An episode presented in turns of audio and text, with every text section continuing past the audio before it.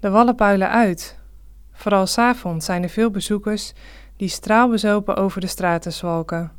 Sekstheaters, steegjes, groepen toeristen langs de ramen, gelach, geschreeuw.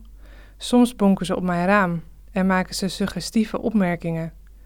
Een groep vrienden van een klant bleef laatst buiten hangen en leverde de hele tijd commentaar. Vlak daarna kwam er een hulpverlener langs. Maar ik kon het echt niet opbrengen om bij zo iemand uit te gaan zitten huilen. Het is een andere wereld, de wallen.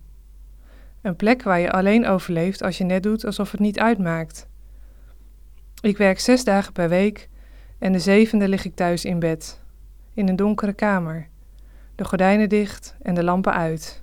Geen licht, geen geluid, geen contact. Alleen duisternis en stilte. Mijn gedachten staan dan ook stil. Er is niets. Ik voel niets, denk niets. Na een dag op de wallen zit ik soms urenlang stil in een donkere kamer. De herrie, de lichten en de voortdurende vernedering zijn doodvermoeiend. Op de wallen gaan mensen stuk. Ze verliezen zich in een wereld die hen kapot maakt.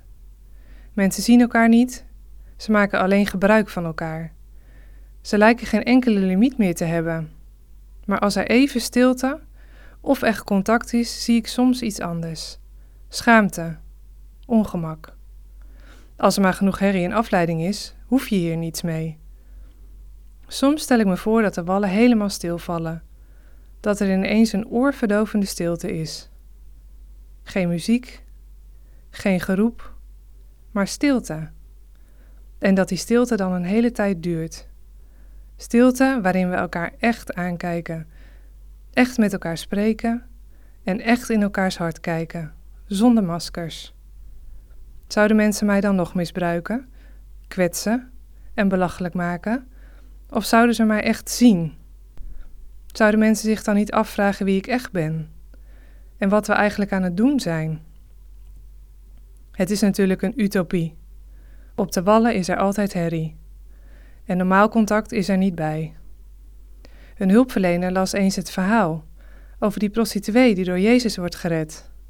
Ik vind het ongelooflijk dat Jezus zo aardig is tegen een vrouw die prostituee is geweest. Dat is toch niet iets waar je trots op bent. Ik kan me nauwelijks voorstellen dat hij aardig zou zijn tegen mij. Maar Jezus ziet niet wat deze prostituee gedaan heeft. Hij ziet haar als vrouw. Ik kan bijna niet geloven dat dit waar is. Het is voor mij heel schokkend dat God die hemel en aarde heeft gemaakt omkijkt naar mij. Zeker met alles wat ik gedaan heb. Dat is toch niet normaal? Mensen doen dat echt niet, maar Hij dus wel.